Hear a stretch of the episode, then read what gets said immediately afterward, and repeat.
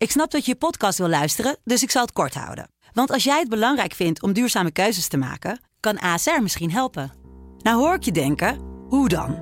Nou, bijvoorbeeld bij het duurzaam herstellen van schade. Of de premies die we beleggen volgens ons duurzaam beleggingsbeleid. Dat bepaalt waar we wel en juist niet in investeren. Wil je meer weten over welke duurzame keuzes ASR maakt? Ga dan naar asr.nl slash duurzame keuzes. ASR doet het. Zo, dan kan je nu lekker naar je podcast luisteren. Deze podcast is mede mogelijk gemaakt door Obam Investment Management. Al ruim 85 jaar Nederlandse beleggingshistorie met beleggen in aandelen wereldwijd. Ervaren, actief en met een duurzaam rendement investeren in uw financiële toekomst. Obam Investment Management, de kunst van het kiezen. Kijk op obam.nl voor meer informatie.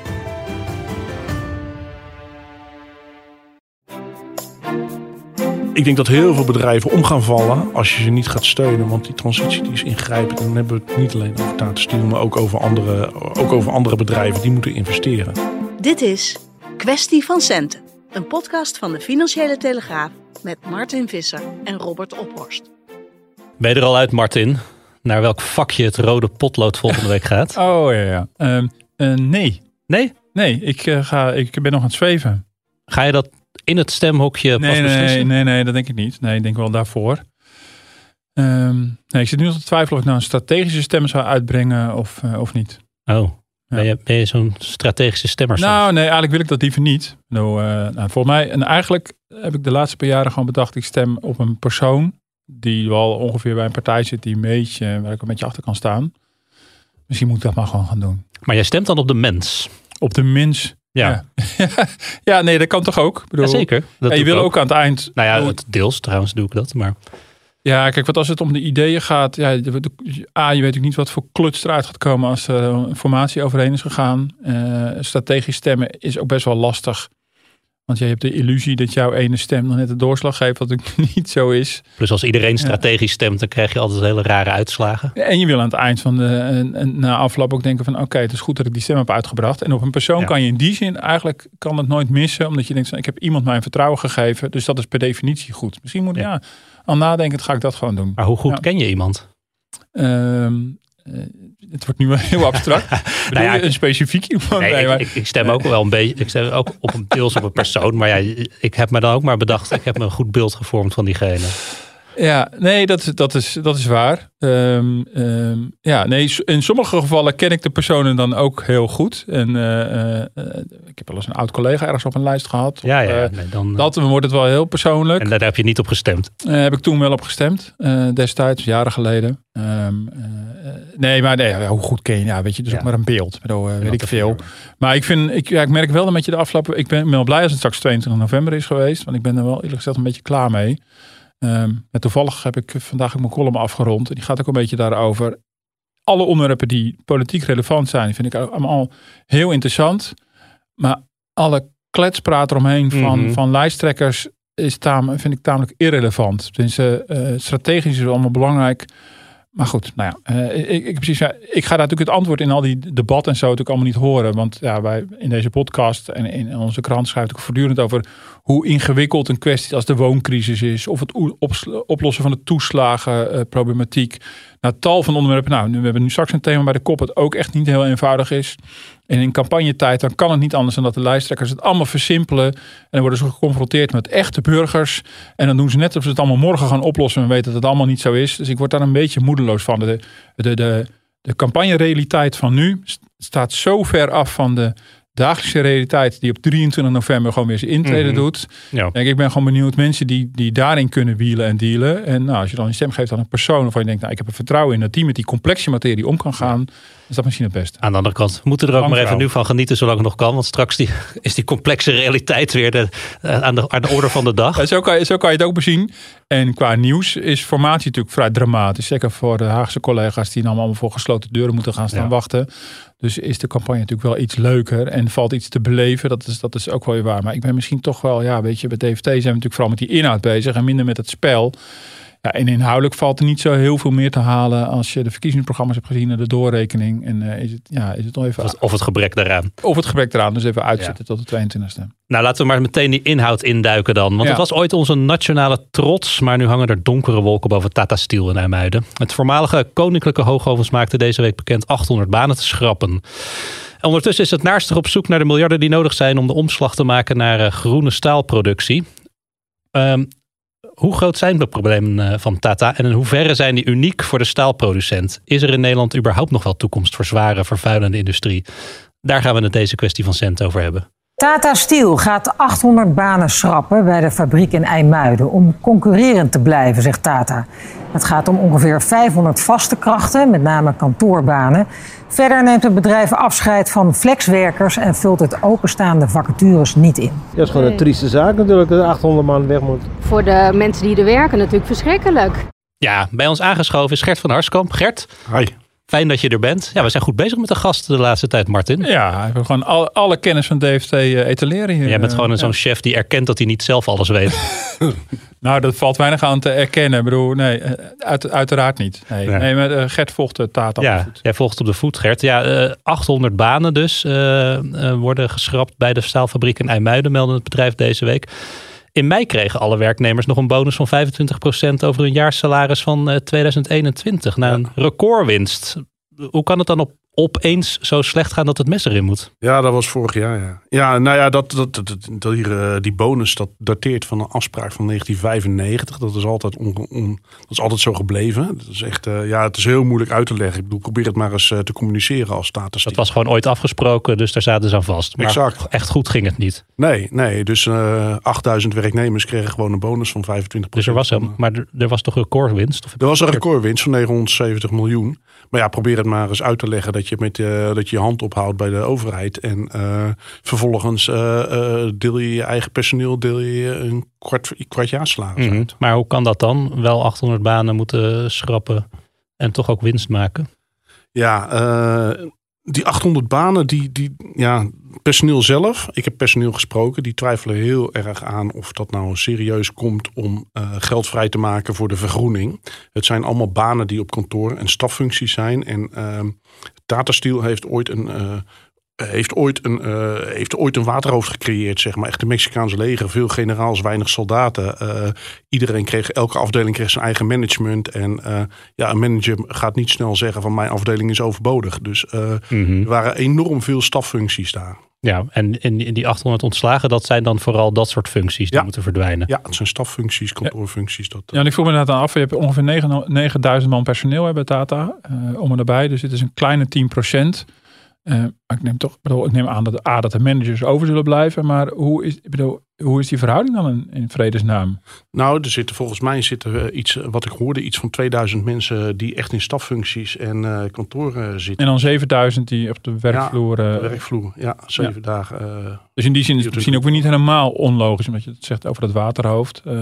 Nee, nee, nou ja, in- op zich, eh, nee, dat, het, is, het is heel begrijpelijk natuurlijk. Ik bedoel, als jij, eh, als jij eh, zo'n eh, enorm moloch hebt eh, gecreëerd, dan is het wel logisch om het te schrappen. Maar eh, het klinkt buiten natuurlijk heel erg goed om eh, tegen de overheid te zeggen, of in ieder geval te zeggen van, ja, we proberen vrij gel- geld vrij te maken voor die, eh, voor die groene productie. Want eh, je moet toch iets doen natuurlijk als Tata. Eh, maar dat geloof, maar de werknemers zelf geloven daar helemaal niets van. Want de fabrieken die moeten sluiten voor de groene staalproductie. Daar staan gewoon nog steeds vacatures open. Ja, kijk, want we hebben natuurlijk een vakbond FNV die natuurlijk meegedemonstreerd heeft eh, ook de afgelopen tijd met Extinction Rebellion voor het schrappen bijvoorbeeld van eh, milieusubsidies. Niet voor milieusubsidies, maar subsidie, zoals het geno- genoemd wordt, op, op, op milieuvervuiling. Ehm eh, heb je toen destijds de Ture Elsenga, de voorzitter van de FNV, ook over gesproken. Ja, maar wij staan er vooral om te protesteren voor de groene banen. Ja. Dat is dan zo'n begrip vanuit de vakbeweging. eh, een vervuilende industrie moet gaan vergroenen en ook met baanbehoud. Nou ja, dat, dat lijkt me voor een FNV en voor personeel toch wel een moeilijk verhaal. Dan heb je inderdaad een vervuilende fabriek die wil gaan vergroenen. Maar die zet van 800 man op straat. Ja, ja er liep ook eh, uit productiepersoneel van eh, Tata Steel. liep afgelopen zondag bij de Klimaatmars. liepen ook tientallen mensen mee. Ja. Want die, ze zijn het eh, vooral, ze vinden dat Tata Steel heel erg getreuzeld heeft in de verduurzaming. Mhm. En eh, zijn bang dat ze gewoon de concurrentieslag missen met, eh, met, andere, met andere landen in Europa, met andere staalbedrijven in Europa, ArcelorMittal, ehm Thijs en Kroep. En, ja, en, en ze vinden dat de overheid heel erg treuzelt. Want waar, Mhm. Ja, nou, daar gaan we het straks ook nog verder over hebben. Ehm, ja, je had het over FNV, die was ook verrast door dat schrappen van die banen. Even over dat vergroeningsplan. Hè? Ehm, eh, want volgens de ondernemingsraad waren veel van die managementfuncties die nu moeten verdwijnen, juist in het leven geroepen om die vergroening in goede banen te leiden. Heeft Tata dan geen vertrouwen in zijn eigen plannen? Nou ja, Tata heeft, eh, Tata heeft wel vertrouwen in zijn eigen plannen. Maar eh, ja, wat precies de reden is voor, die, voor het ontslag.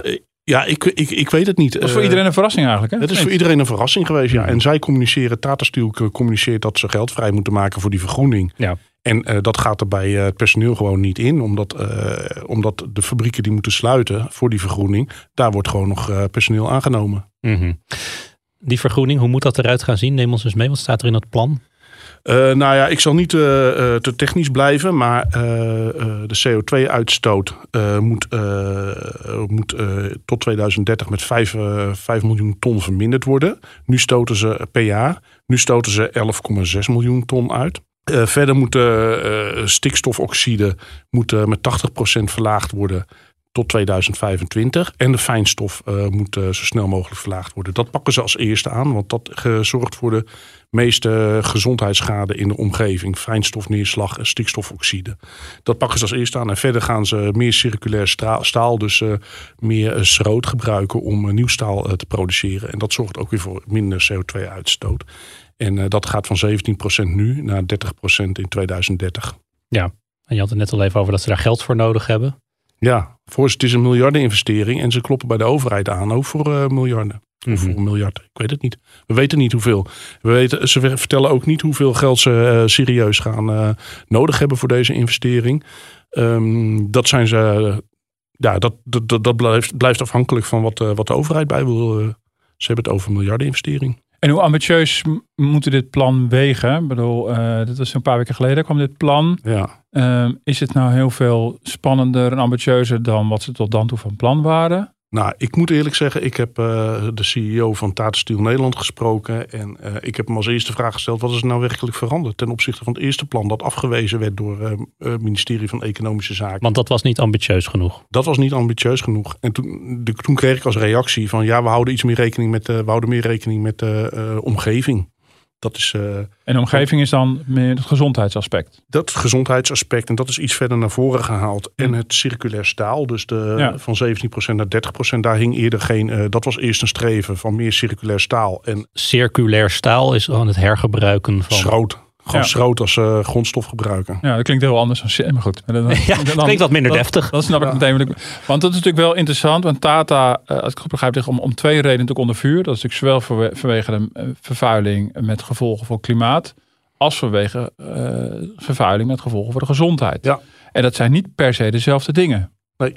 Nee. Eh, en eh, dus dat zijn ook twee doelstellingen die ze allebei moeten zien te halen. Want eh, ze zijn ook nog betrokken in allerlei rechtszaken en, en, en dergelijke. Ja, er is vandaag nog eentje bijgekomen. Dus in die zin zitten ze aan alle kanten, zitten ze aan alle kanten klem. En Ja. zullen ze dus wel ambitieuzer moeten. Ze moeten ambitieuzer. Ja, maar hoe verklaar je dan dat, dat ja, als je dan een CEO spreekt, zeg maar, wat is nou helemaal nieuw aan het plan? Nou, dan kan hij misschien een aantal details noemen of het vooruithalen van één specifiek ding.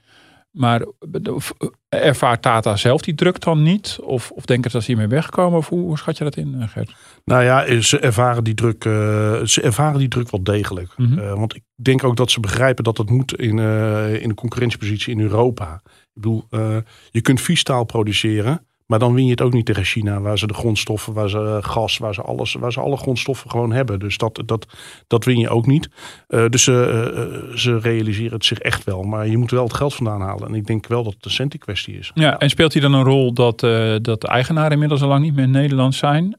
Is dat ook nog iets, bedoel, de eigenaren zijn natuurlijk uit India. Ja, dat zegt eh, de, eh, Van den Berg dus, de topman van eh Tata Steel Nederland, zegt van ja, dat, dat is dus absoluut niet het geval. In India kijken ze juist heel erg naar Tata Steel Nederland. Mhm. Omdat ze weten dat in India deze hele transitie, deze hele omslag ook een keer gaat komen. Dat Ja. dus, Dus we zijn eigenlijk, wat, wat hier nu gebeurt, denken zij, gebeurt straks ook in India. Ja, ja dat, uh, we, zijn het, we zijn het voorland voor de rest van de Ja, wereld. dat, dat is wat ze zeggen, ja. Ja, dus in die zin er wordt ook niet gedreigd met anders gaan we hier weg of iets dergelijks. Nee, nee, nee helemaal niet. Nee, nee. nee nog gekker. Uh, Tata Steel uh, India, die vindt uh, IJmuiden heel erg belangrijk oh ja. zelfs. Ja, dat is natuurlijk wel interessant. Maar dan ben je dus ook een soort van tot elkaar veroordeeld als, als bedrijf, overheid en, en omwonenden. En dan moet je met elkaar uitzien te komen. Ja, ja. We zijn, wat ik al zei, onderdeel van de Eimond. Dus we voelen ons ook heel erg verbonden met deze regio en met de gezondheid. Wij werken hier ook allemaal, velen van ons wonen hier. We zijn echt aan het kijken wat voor aanwijzingen dit rapport ons biedt om ook nog schoner en nog uh, beter voor de gezondheid van de regio te zorgen in de toekomst. Ja, dit was een fragment van uh, 23 september. Die dag werd het zogeheten Tata Steel Festival georganiseerd. Jij was erbij, Gert. Ik, ik had er zelf nog nooit van gehoord. Maar het is een soort open dag Annex Banenmarkt, Annex Burendag, inclusief draaimolen, foodtrucks en speeddate-tafels met, uh, met de recruiters van het bedrijf. En als cadeautje op die dag, voor mij exact die dag, een rapport van de RIVM waarin onomstotelijk is vastgesteld dat omwonenden van het bedrijf drie maanden korter leven dan... Tweeënhalve maand geloof ik. Tweeënhalve ja, maand. Ja, dat was nog net iets voor, ja. Dat was er vlak daarvoor, hè? Ja, ja was een wonderlijke daarvoor. samenloop Ja, ja. van, uh, van, uh, Ja. van zaken, ja. Ja, ja, inderdaad, RIVM. Hè. Uh, bewoners van de Eimond lopen extra kans om ziek te worden. En inwoners van Wijk aan Zee leven gemiddeld 2,5 maand korter door de uitstoot van giftige Ja. stoffen. Ja, en een dag later was dat festival. Ja, ja, ja. Ja, dat klopt, ja. Fantastische timing. Maar het, het zegt wel alles natuurlijk inderdaad over hoe Tata dit aanpakt, toch? Ja. Bedoel, eh, jij bent er geweest. Ja. Eh, een, voor mij was het een vrolijke bijeenkomst. Ja, nee, het was ook heel vrolijk. Maar eh, ik kwam ook eh, weinig boze buren tegen. Het waren vooral werknemers met eh, kinderen die langskwamen. En eh, het waren mensen die geïnteresseerd waren in een baan. Ja, want als je dat zo hoort, hè, dat dat RIVM-rapport, maar ja, je zei het net ook al, Martin, eh, er liggen, het OM doet onderzoek naar strafrechtelijk onderzoek. eh, ehm, naar het opzettelijk en wederrechtelijk in de bodem, lucht of oppervlaktewater brengen van gevaarlijke stoffen. Er liggen 800 aangiftes. Ja. Net zoveel als banen dat er nu moeten verdwijnen, maar dat terzijde. Ehm ja, tussen die foodtrucks en die, en die draaimolen dan. Wat, wat, wat voor, als je dit soort berichten leest, dan denk je onwillekeurig van nou in de regio zal wel niet veel liefde zijn voor Tata. Maar als je tussen die foodtrucks staat, hoor je dan andere geluiden dus? Ja, maar dat vergis je niet. Hè. Ik bedoel, er werken 92.000 mensen. Het is de grootste werkgever in, eh, in de regio. En 92.000 eh, of eh, twee- 9200 directe banen. Moet je kijken wat er omheen zit. Zelf eh, zeggen ze 87.000 eh, indirecte banen. Want je hebt het over de cateraar, de bakker die er altijd broodjes brengt. eh, de schoonmakers die er... Ja, dus eh, 9200 direct en iets van 82.000 ja, ja. indirect. Ja, maar dat is, dat, dat, dat, dat is gigantisch natuurlijk. En dat is ook wel een beetje het teneur die je hoort. Hè? Ik bedoel, ik vroeg aan, eh, aan een man, gooi je... Je hoort, een, je hoort een beetje, want ik heb ze natuurlijk geconfronteerd met die 2,5 maand. Ja, wat is nou 2,5 maand op een mensenleven? Ik zeg, ja, gemiddeld. Ja, nou ja, dan, eh, nou, als het echt zo, hier, zo ongezond is, waarom zijn de huizenprijzen hier dan zo hoog? Weet je, Mhm. dat soort, eh, Ja. dat soort antwoorden. Ja, kijk, want die mensen die daar werken en mensen die van hun werk afhankelijk daarvan zijn, die, die zijn voor een belangrijk deel ook die omwonenden. Ja. Dat zijn soms dezelfde mensen natuurlijk. ja, maar die, eh die hoogovens zijn natuurlijk gewoon verweven met die hele samenleving. Ja. Dat is, dat, Ja, ja, jij sprak bijvoorbeeld daar ook een politieman. Die kwam dan eh, bij zo'n speed eh, date met zo'n recruiter. En die zei dan ook van, ja, ik, ik, ik kan hier 1000 euro bruto of netto zelfs per Ja. maand meer verdienen dan Ja. ik nu doe. Ja, Ja. dan neem je die 2,5 maand minder leven misschien wel op de koop toe. ja, Als je ja, 40 jaar lang 1000 euro extra per ja, maand kan verdienen. Ja, ja Tata Steel is echt een, een gigantisch goede werkgever eh, qua salariering en zo. Ja, Ja, nee, dat is een interessant spanningsveld. Want ik ooit was natuurlijk, ik bedoel, zo begon je natuurlijk ook, Robert, eh, eh, een van de bedrijven die tot de Nederlandse trots. Koninklijke hoogovens, ja. Toch als de hoge ovens. En Ja. nu heb je een heel ander gevoel rondom Tata. Maar dat geldt misschien voor ons die op afstand hier naar kijken. Maar mensen die rechtstreeks daarmee te maken ja. hebben, hebben wel dat steeds. Want Martin, jij zei het al net, hè, het, hoofdkantoor staat tegenwoordig in India. Maar hoe Nederlands is het bedrijf dan nog? het eh, bedrijf is, eh, eh, eh, Tata Steel India is beursgenoteerd. Het Nederlandse deel is niet beursgenoteerd. Met eh, Tata Steel India als belangrijkste aandeel, als aandeelhouder. Zo, zo, zit dat, eh, zo zit die structuur in elkaar. Mhm. Maar als je daar dan je oor te luisteren legt, voelen ze zich dan ook een Indiaas bedrijf? Nee, helemaal niet. Ze voelen zich echt nog oud hoog, hoogovens. Ja, en het functioneert natuurlijk ook als een aparte entiteit. Ik bedoel, die, eh, eh, ze hebben gewoon een eigen CEO. Die Gewoon een Nederlandse CEO. Een Ne- Ja. Nederlandse Ja. CEO die gewoon verantwoordelijkheid, eh, verantwoording af moet leggen in India. Die Ja. naar Mumbai gaat en daar eh, moet zeggen of de, en daar te horen krijgt of, of die genoeg rendement maakt. Ja. Hoe belangrijk eh, is dat staal voor Nederland? Kun je ons meenemen? Waar, waar vinden we in, in, in IJmuiden gemaakt staal allemaal in terug? Eh, in eh IJmuiden wordt hoogwaardig staal gemaakt. En daarom vindt, daarom vindt Tata Steel India het ook een heel belangrijk bedrijf. Eh, het is niet wat je tegenkomt in een gewoon blikje of wat dan ook. Het is echt voor, voor de auto, auto-industrie echt, echt hoogwaardig staal. Dus het is niet het goedkope, goedkope troep. Ja. En, dat, en dat willen ze dan, het productieproces willen, ver- willen ze vergroenen. Maar staal aan zich, kan de wereld ook zonder staal? Ik bedoel, zijn wij, kunnen wij zonder, kijk- kijk om zonder, zonder fabrieken als Tata Steel? Kijk om je heen. Ik bedoel, dat is natuurlijk ook wel een terechte. Dat maakt deze, dat maakt deze hele discussie natuurlijk ook wel interessant. Hè? Ik bedoel, er wordt geen gebouw gebouw- gebouwd zonder staal. Ik bedoel, je hoeft maar om je heen te kijken. Staal zal echt nog heel lang nodig blijven. Ik ken, ik ken nog geen alternatief. Ik heb geen alternatieven gezien voor staal. Mhm. En eh, eh, dat is natuurlijk, dat maakt deze discussie ook interessant. Het is natuurlijk wel zo van, ja, waar gaan stand produceren? Want het is nodig. En het is ooit eh, opgericht, nou ruim 105 jaar geleden, om- omdat Nederland het belangrijk vond om een eigen staalindustrie te hebben. Ja. Hoe belangrijk is dat anno 2023? Dat we het echt in eigen land Ja. hebben. Ik bedoel, had het ook net zo goed niet in België of in Duitsland kunnen staan. Nou ja, eh, ja, ja, dat is altijd lastig. Hè? Ik bedoel, de staalindustrie, vroeger was de staalindustrie natuurlijk hartstikke belangrijk eh, vanwege de oorlog. Eh, je had staal nodig om oorlog te kunnen voeren. Het wordt nog steeds als een strategisch, strategisch product gezien, staal. En staalproductie wordt ook nog steeds strategisch gezien. Maar ja, kan het niet elde- elders in Europa? Ja, IJmuiden wordt wel gezien als een heel belangrijk punt, omdat het dicht bij zee ligt. Dus dan ligt het dicht bij energie is om de hoek. Je, bootjes kunnen makkelijk aanvaren. Dus het wordt wel heel erg eh, gezien als een ideale locatie, Mhm. Muiden. Ja, maar als veel omwonenden er dan geen enkel probleem mee hebben, ze werken er zelfs. Het is een gewoon fysiek een goede plek om daar te zitten, handig. Ja. Dan is er eigenlijk toch geen probleem. Ja, dat is, dus, nou ja, dat, dat is dus wel een probleem. Want het geeft gewoon een enorme belasting natuurlijk op de gezondheid daar. Dat kost ook heel veel geld. Dat kost de samenleving heel veel geld. Dus er moet wel wat gebeuren. En bovendien kun je ook afvragen... als zij op deze manier staal blijven produceren... of, dan geen, eh, of het dan niet sloes is eh, in de toekomst. Achter mij staan de actievoerders in het actiekamp. Die hebben hier overnacht. En eh, die zijn zich nu aan het voorbereiden om zo meteen actie te gaan voeren rondom het terrein van Steel. En misschien ook op het terrein.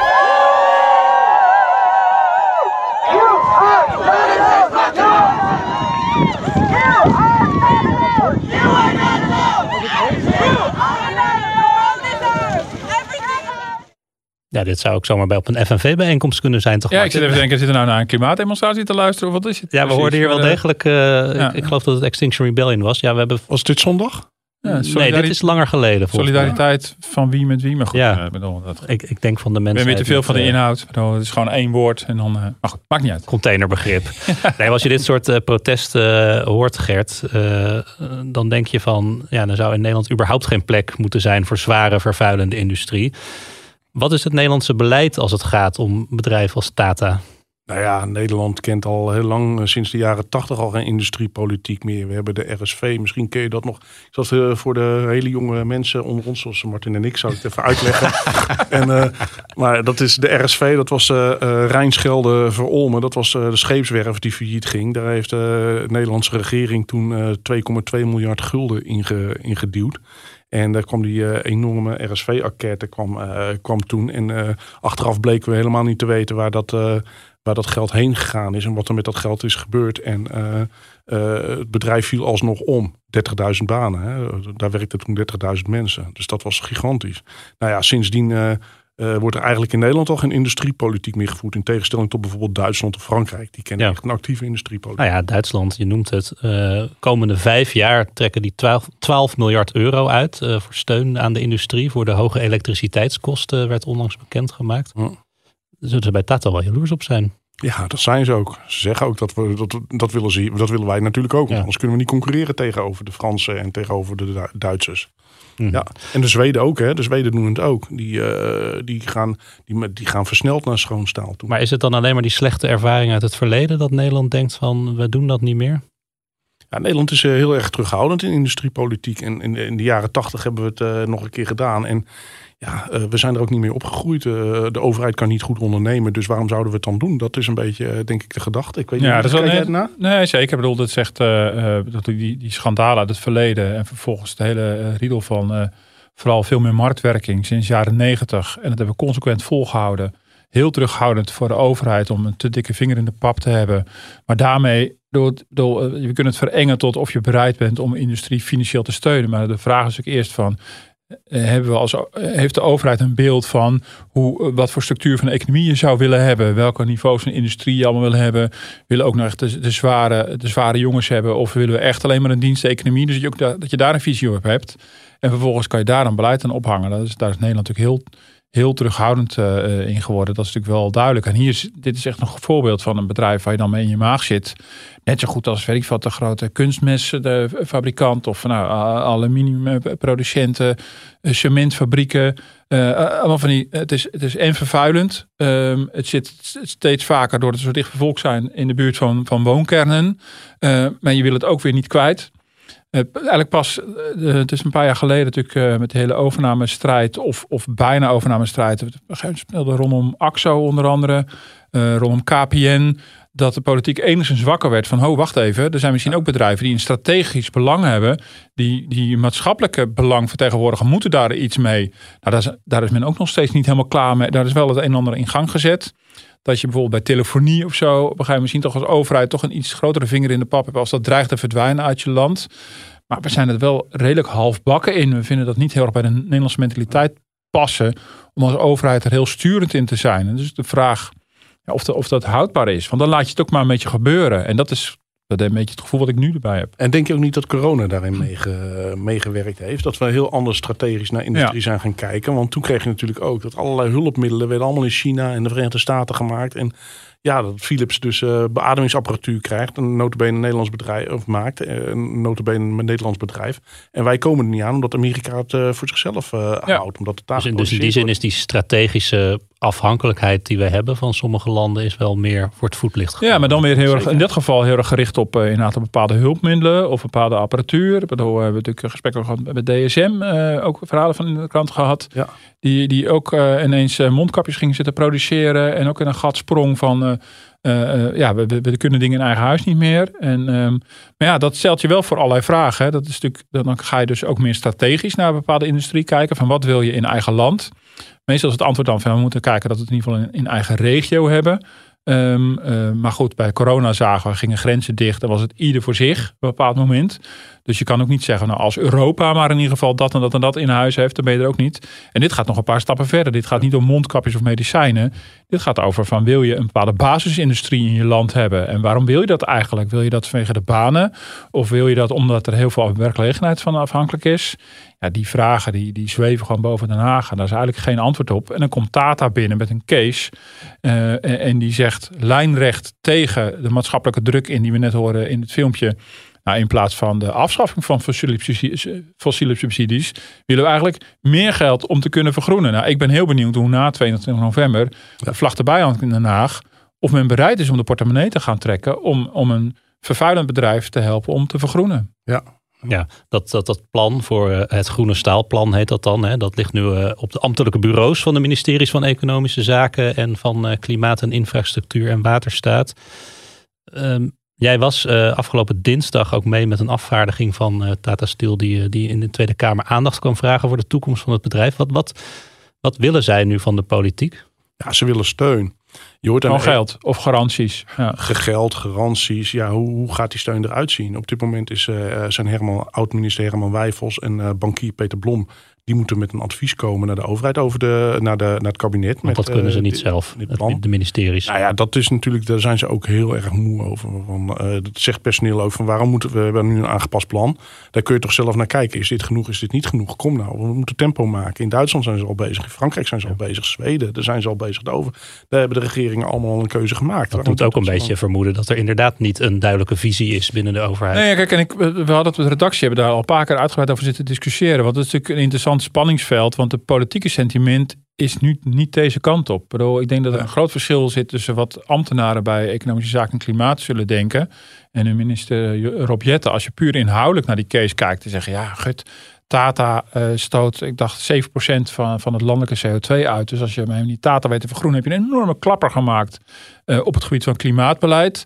Maar uh, zie maar eens te verkopen in de Tweede Kamer, die grosso modo best vijandig is richting het grote bedrijfsleven. En dan hebben ze ook nog al die rechtszaken aan hun broek. Ja, ik zou het een hele spannende uitkomst vinden als er straks een minister is van Klimaat die gaat verdedigen dat er, weet ik veel, een miljard aan subsidie of garanties naar bedrijven als Tata gaat. Ik bedoel, dat is best wel een hele kluif om dat verdedigd te krijgen in de Tweede Kamer. Dan kan je inhoudelijk misschien een hele goede case hebben. Maar dat, is, dat staat haaks op het sentiment nu in, eh, in, in Nederland. Ja, en je kunt gewoon ook niet, ik bedoel, dat kan politiek ook niet. Hè? Je kunt niet met een blanco cheque komen. Je kunt niet zeggen van hier heb je een tas met geld en ga maar vernieuwen. Want die transitie, we hebben niet alleen Tata Steel, hè, we hebben ook geen moer. Maar het gaat ook om de bakker om de hoek. Die moet ook zijn overs veranderen. Die hele transitie, die zit hartstikke, die zit vuistdiep in die overal. En die transporteurs, die moeten elektrificeren. Ja, maar dan laatst ook de, de, de, de, de visboeren uit Volendam, van wie de, de dieselbusjes vervangen moeten worden. Ja, dus op dat niveau gaat het inderdaad. Ja, het gaat, het, gaat om, het gaat om veel meer. Het is een, het is een grote transitie. En je... Ja, ik heb niet de, de indruk dat, dat we nog precies weten welke economie, uh, wat, wat, voor een, wat voor een economie uh, Nederland wil. Maar ja, dus die industriepolitiek, die, die, die is er bij lange na niet. Nee, die is er niet. En kijk, wat ze, wat ze graag willen, dat is of, ofwel een, uh, misschien een zachte lening. Dat lijkt een beetje wat ze in de Verenigde Staten doen. Hè? Uh, daar, misschien heb je wel eens van gehoord, die IRA, uh, die Inflation Reduction Act. Dan krijg je, krijgen de bedrijven krijgen gewoon hele, hele goedkope leningen. Eigenlijk krijg je gewoon garanties. Uh, dat heeft er onder andere voor gezorgd dat Rivian geen uh, auto's maakt in, uh, bij VDL. Maar toch heeft gekozen voor de Verenigde Staten. Want dan krijg je gewoon 10.000 dollar per auto eigenlijk mm -hmm. een subsidie die in de Verenigde Staten Ja, daar hebben wij dus nog geen antwoord op. Daar hebben wij geen antwoord op. In heel Europa niet. Nee, maar dat is ook het, het, het ongelijke speelveld. of in ieder geval het gelijke speelveld dat verstoord ja. wordt. Waar, waar ze het bij Tata dan steeds over hebben. Ja, ja en bij, in Duitsland zeggen ze van ja, je hebt een CO2, extra CO2-heffing en een extra energieheffing. Nou, die hoef je, als jij dan dus die vergroening uh, doormaakt, dan hoef je die uh, extra heffing niet te betalen. Maar dan moet je wel uh, voortgang rapporteren natuurlijk. Nou, dat is ook een manier waarop je het kunt doen. Je kunt het op verschillende manieren doen. Maar je kunt niet zomaar zeggen, hier heb je, hier heb je veel geld. Nee, maar ik zie in een verkiezingsprogramma nog niet echt wel aanknopingspunten. Vorige week hadden we het ook over de doorrekening daarvan. En een van de dingen die bijvoorbeeld bij de doorrekening van het Planbureau voor de Leefomgeving bleek, is dat een heel aantal partijen, vooral in het midden en ter linkerzijde, vooral allerlei uh, milieudoelen weten te halen door industrie de grens over te jagen. Um, heel populair gezegd. Ja, dat kan ook. Ik bedoel, dan is Tata weg met zijn 9000 banen, min 800.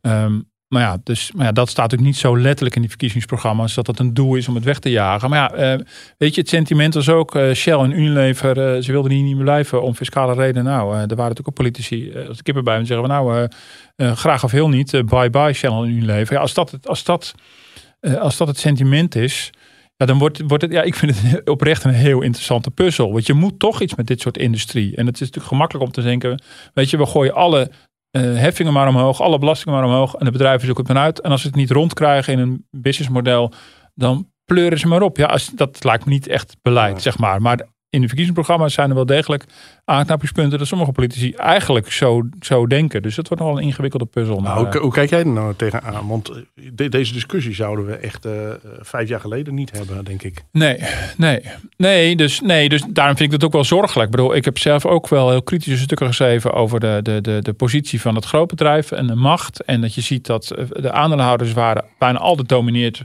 boven allerlei andere belangen die, waar een bedrijf ook mee te maken heeft. Maar als de uitkomst is dat, dat op een gegeven moment de sfeer bijna vijandig wordt, um, en dan sla je daar natuurlijk heel erg in door. En, en hier hebben we niet per se te maken met een bedrijf dat doet aan, nou ja, wat de bonussen dan wel even. Maar hier speelt niet per se fiscale trucjes of zelfverrijking. Uh, nee, dat is gewoon oprecht. Het is gewoon een industrie dat uit een historisch ontstaan waar we ooit trots op waren. En nu, nu in de loop van de jaren uh, willen we iets gaan doen aan die extreme vervuiling. En, en is het een feit dat in een dichtbevolkt land dat het allemaal dichter op elkaar is gegroeid. Ja, daar kan je niet één iemand de schuld van geven. Dan moet je op een gegeven moment met elkaar als samenleving een antwoord op, op, op vinden. Ja, en het antwoord zou in theorie kunnen zijn dat er in een dichtbevolkt land als Nederland blijkbaar geen plek meer is voor dit soort industrie. Maar zeg dat dan. Uh, dat zou ik een heel heftig antwoord vinden. Ja. Um, um, uh, maar dat blijft natuurlijk nu een beetje in het midden. En wat je dan doet, belasting omhoog gooien. En dan, je moet wel overzien wat de gevolgen daarvan zijn. En je niet straks laten overkomen dat zo'n bedrijf denkt, ja, maar voor ons is hier geen toekomst meer. Maar goed, ik begrijp van Gert dat ze dat voorlopig nog niet denken. Nee, maar dat is natuurlijk wel de spanning die hier voortdurend op staat. Ja, Nou ja, ze, ze zeggen zelf dat ze, het, eh, ze gaan wel beginnen hè, zonder, eh, zonder overheidsgarantie. Ze beginnen nu al met investeren. Dus dat is. Ja, ze zullen ook wel moeten. ja, Maar als het in andere landen, in het VK, in het Duitsland, eh Maar overheid- allemaal net mak- makkelijker kan, dan, dan lopen ze op een gegeven moment natuurlijk toch wel vast. Als in Nederland de concurrentievoorwaarden gewoon slechter zijn. maar, de, maar, maar, maar het gebeurt wel. Hè. Ik bedoel, we hebben gekeken we- in Rotterdamse haven, die volg ik dan ook. Daar heb je die CO2-opslag. Die is eh, goedgekeurd. Die zou eigenlijk, eh, eigenlijk zou die niet eh, aangelegd mogen worden, omdat er tijdelijk te veel stikstof eh, uitstoot tijdens de aanleg zou zijn. En eh, vervolgens heeft de Raad van State gezegd: ja, maar het voordeel op de lange termijn is zo groot. Dan moeten we die eh, verhoogde stikstofuitstoot op de Natura 2000 gebieden maar even accepteren. Dat is, dus het, dus het, dus het Er is wel ruimte. er Ja. is wel ruimte. En Ja. daar was, toen stonden alle overheden, de provincie, alles stond daarachter. Dus ja, kijk, eigenlijk kun je dat zoiets kun je vergelijken met eh, zeggen van ja, dan doen we niet die CO2 extra CO2-heffing en die extra energieheffing. Op voorwaarde dat, jij, eh, dat je dan Ja. wel echt investeert. Maar de eerste vraag was juridisch en die tweede vraag die nu stelt is politiek. Is de politiek bereid om dat te doen? En dan moet je natuurlijk van overtuigd zijn als politiek dat dit bedrijf niet kan vergroenen zonder steun van de overheid. Want dat moet je natuurlijk wel eerst bewijzen. Hoe kunnen ze het niet gewoon op eigen kracht?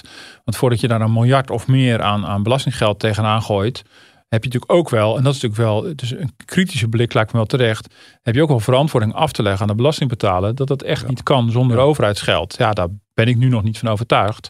Dus dan moet die case en dat plan wat jij besproken met de CEO moet wel echt wel verrekte goed zijn. Willen ze daar groen licht gaan krijgen? Ja, en ik moet zeggen, Tata Steel heeft natuurlijk niet, eh, heeft, heeft niet het beeld, de beeldvorming met zich Nee. mee natuurlijk. Ja, op een gegeven moment als jij iedereen, eh, 8000 mensen, een kwart eh jaarsalaris meegeeft, Ja. een bonus. En eh Ja. je maakt zo- zo'n mega winst. Ja, En al die rechtszaken helpen natuurlijk ook allemaal Nee. Maar goed, eh, je kan op de website, ik heb de- ter voorbereiding op de website gekeken. Daar ligt het allemaal niet aan. De flitsende filmpjes staan er allemaal op. Ik bedoel, ik weet niet of ze volgend jaar die, die, die banenfestival weer gaan herhalen. Maar je ziet wel, eh, eh, CEO, van, CEO van de Berg trad ook een keer op bij Bo. Dat zie je ook niet heel veel mensen uit het bedrijfsleven doen. eh, om in een talkshow aan te Ze schuiven. werken wel aan dat imago. Dus je ziet ja. wel Ja, heel erg dat ze wel heel erg daarmee bezig zijn. Dat ze wel voelen van ja, we moeten ons voortdurend verantwoorden. En of het genoeg zal blijken te zijn, Ja. moeten we zien. Gert, jij zei in India kijken ze dus ehm, heel nauwlettend wat hier gebeurt. Omdat zij ons als een soort voorland zien. Ziet de rest van de Nederlandse zware industrie het eh, Tata ook als eh, een voorbeeld voor wat er misschien met hen kan gaan gebeuren?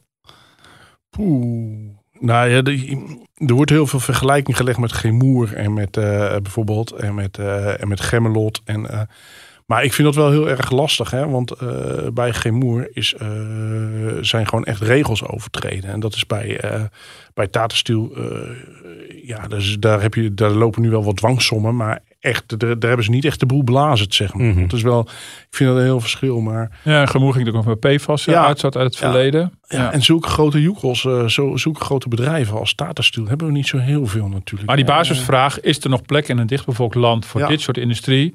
Gaat natuurlijk wel al die bedrijven aan. Alleen je ziet, de Ja. cases zijn natuurlijk allemaal weer verschillend. Overigens is met Tata nog steeds raadselachtig dat je aan kan tonen dat er gezondheidsschade is door de uitstoot van de fabriek. Maar dat tegelijkertijd eh, Tata, voor zover we weten, aan alle keurig en alle Europese normen en richtlijnen voldoet.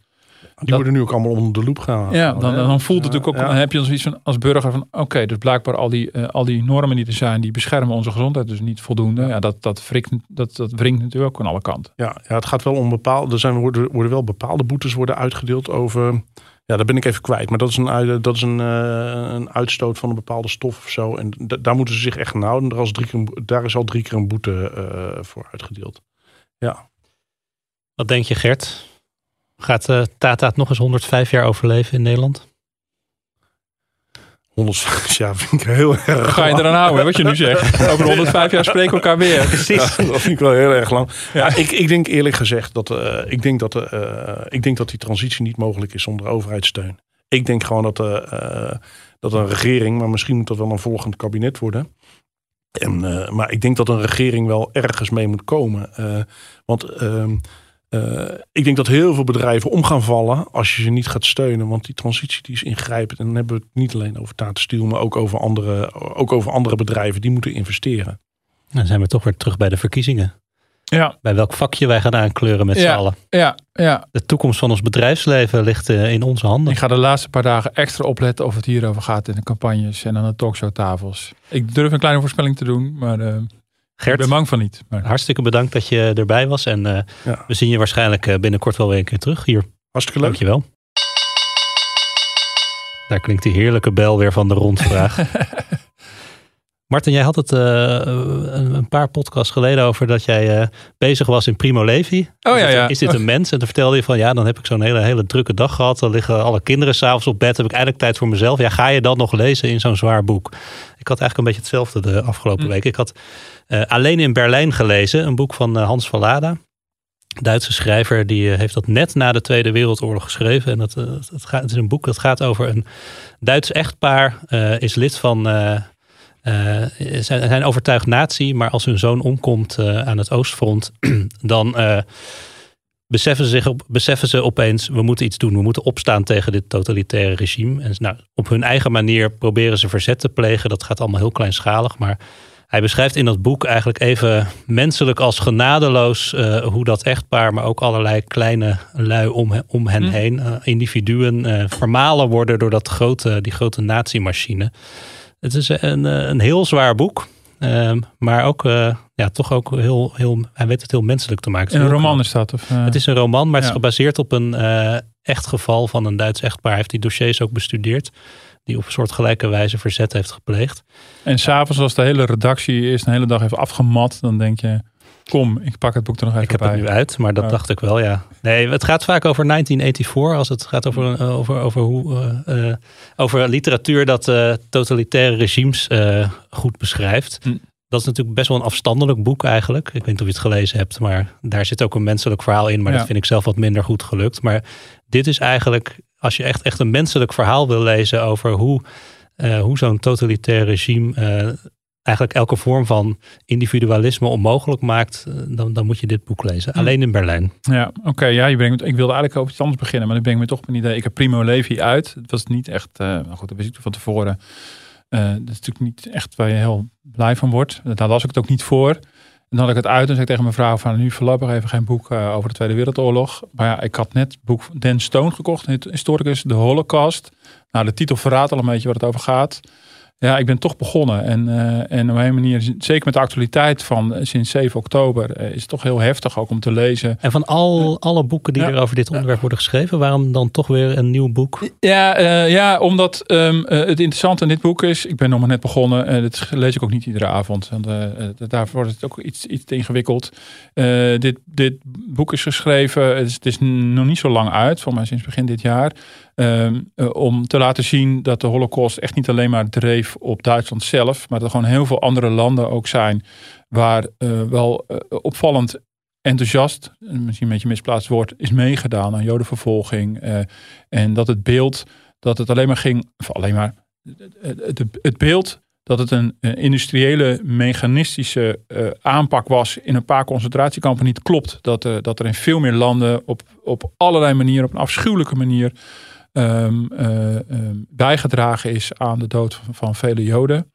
Uh, en het helpt toch heel erg om, om weer iets, iets te begrijpen van wat natuurlijk nu gaande is. Ik het sentiment zeggen, het is, uh, in, in, Israël. In tijd van oprukkend ja. antisemitisme. Dus in die zin vind ik dat wel heel, ook wel weer heel nuttig om, om, om te lezen. Maar opnieuw, het is niet dat, je, dat je iedere avond denkt van pak, ah, kom, ik pak het er even bij. Maar interessant om een boek over de historie ja, toch zoveel zeggingskracht heeft over, over vandaag.